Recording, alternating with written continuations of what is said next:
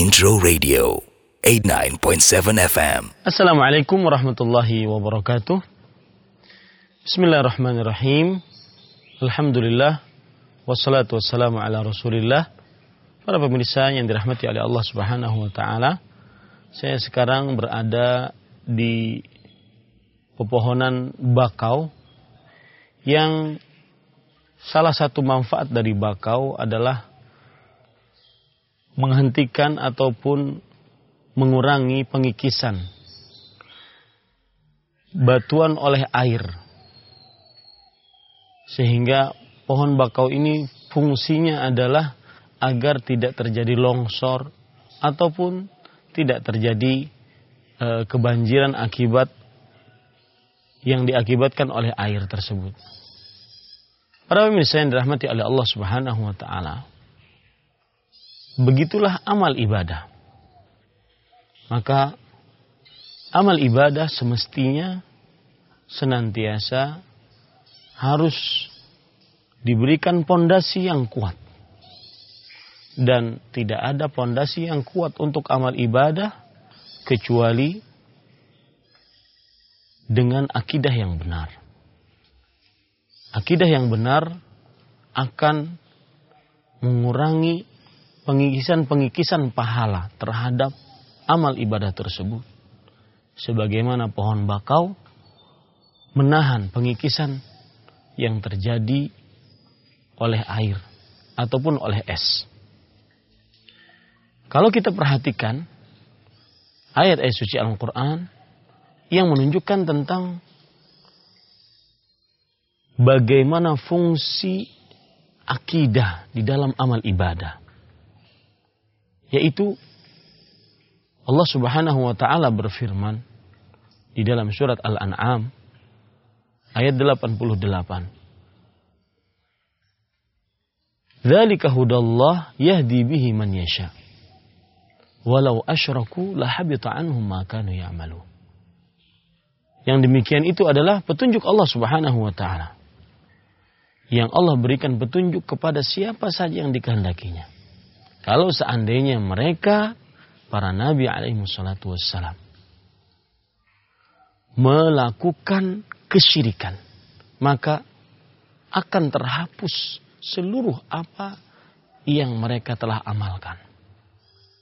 Lihat di sini, pondasi akidah benar-benar menguatkan amalan tersebut. Amalan tidak akan terhapus, tidak akan terkikis pahalanya dengan akidah yang benar. Kebalikan dari itu, amalan yang tidak didasari dengan akidah yang benar, maka amalan tersebut akan terhapus. Amalan tersebut akan terkikis, bahkan tidak ada nilainya di sisi Allah Subhanahu wa taala. Para pemirsa yang dirahmati oleh Allah Subhanahu wa taala, bahkan hal ini untuk Nabi kita Muhammad Sallallahu Alaihi Wasallam, yaitu Rasul Sallallahu Alaihi Wasallam diperingatkan oleh Allah Subhanahu Wa Taala, la in asyrakta la yahbatanna amaluk wa la takunanna minal khasirin. Jika engkau wahai Muhammad Sallallahu Alaihi Wasallam melakukan kesyirikan dalam beribadah, beribadah kepada Allah, tapi pada saat yang bersamaan juga beribadah kepada selain Allah. Inilah yang disebut dengan kesyirikan maka sungguh amalanmu akan terhapus. Dan sungguh engkau akan benar-benar merugi. Para pemirsa yang dirahmati oleh Allah Subhanahu wa taala, maka kokohkanlah amal ibadah Anda jangan sampai amal ibadah Anda terkikis akibat kesyirikan.